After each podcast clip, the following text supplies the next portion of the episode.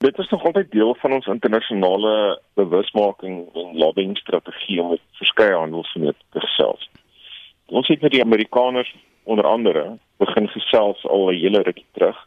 Ons het 'n Amerikaanse afvaardiging gehad waar die um, visie minister van landbou en sy hele delegasie was.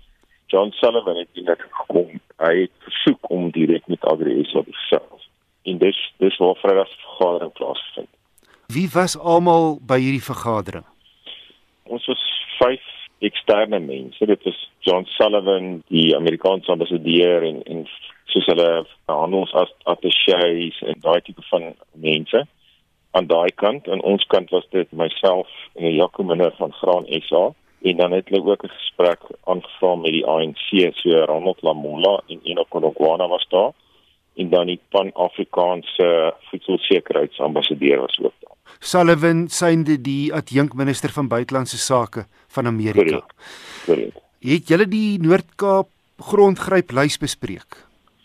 ons het ek het dit spesifiek op die tafel gesit en verduidelik wat se impak uitlatings het rondom plaaslyste en onteiening want daar was twee spesifieke gevalle waar die een Amerikaanse grondeienaar was wat baie bekommerd was oor die lys en daar was ander handelsvennote wat begin vra vra het oor is die ehm um, voorsieningsbasis in Suid-Afrika nog stabiel.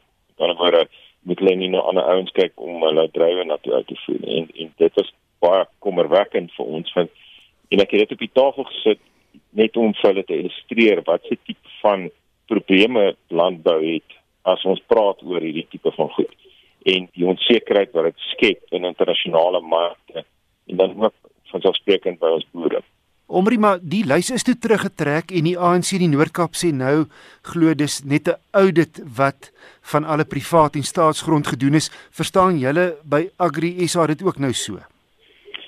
Wel, jy weet, ek meen ons uitgangspunt is dat dit is in elk geval wederregtelik om enige suits te doen want dis nie iets wat jy kan doen op hierdie stadium. En hmm. daar's nie ons te grondwet en die, die reg beskerm ons mense teen hierdie tipe van goed So dis maar 'n klomp politieke ry wat nou besig is om plaas te vind. Ek dink nie die ANC eens wat saam met ons in vergadering was dit eers verseker bewus van so lys.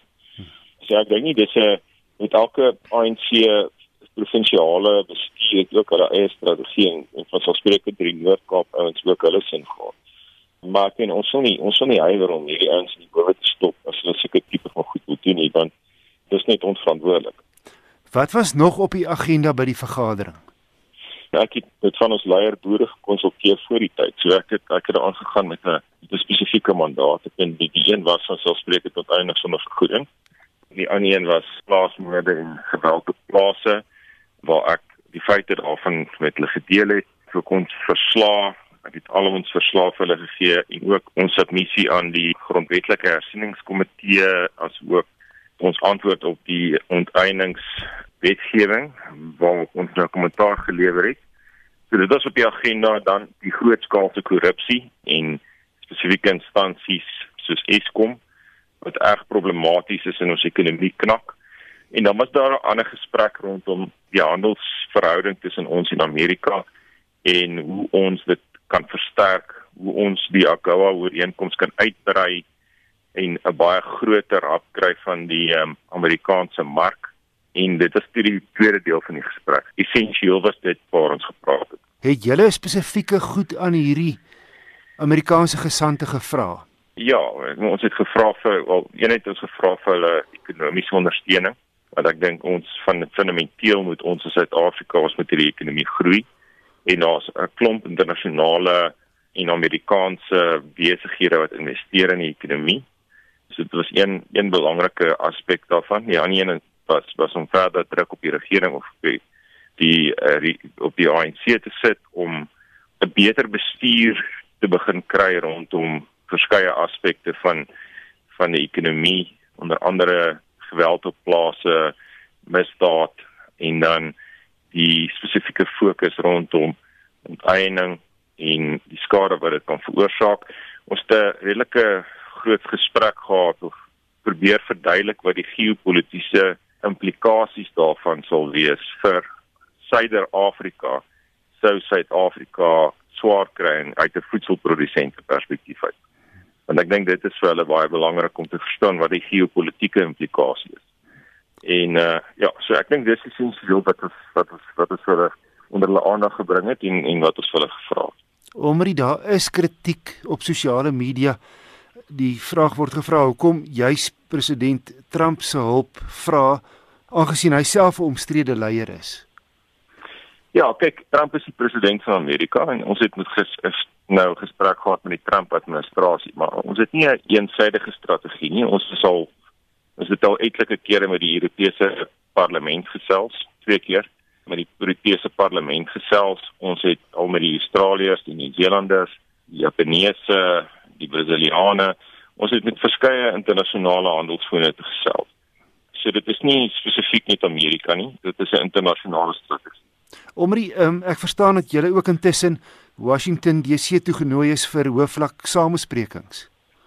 Ons is genooi deur John Sullivan, ons gaan nou maar moet sien, jy weet, hoe werk die goedheid ons sal nou sien jy weet hoe hoe gaan ons dit in ons agenda inpas en spesifiek wat met ons saam met gesels daar daar's ons gespreek en allerlei roetes en protokolle wat ou moet volg om dit te kan doen maar ja hy het 'n direkte uitnodiging aan my gegee hy hy sou graag wil hê ons moet in Washington kom gesels met met hulle en vir hulle verder verduidelik wat in Suid-Afrika aan die gang is en wat die spesifieke prioriteite is rondom landbouontwikkeling en beskerming van eiendomsreg as jy nou moet opsom, wat is Agri SA se beleid oor grondonteiening?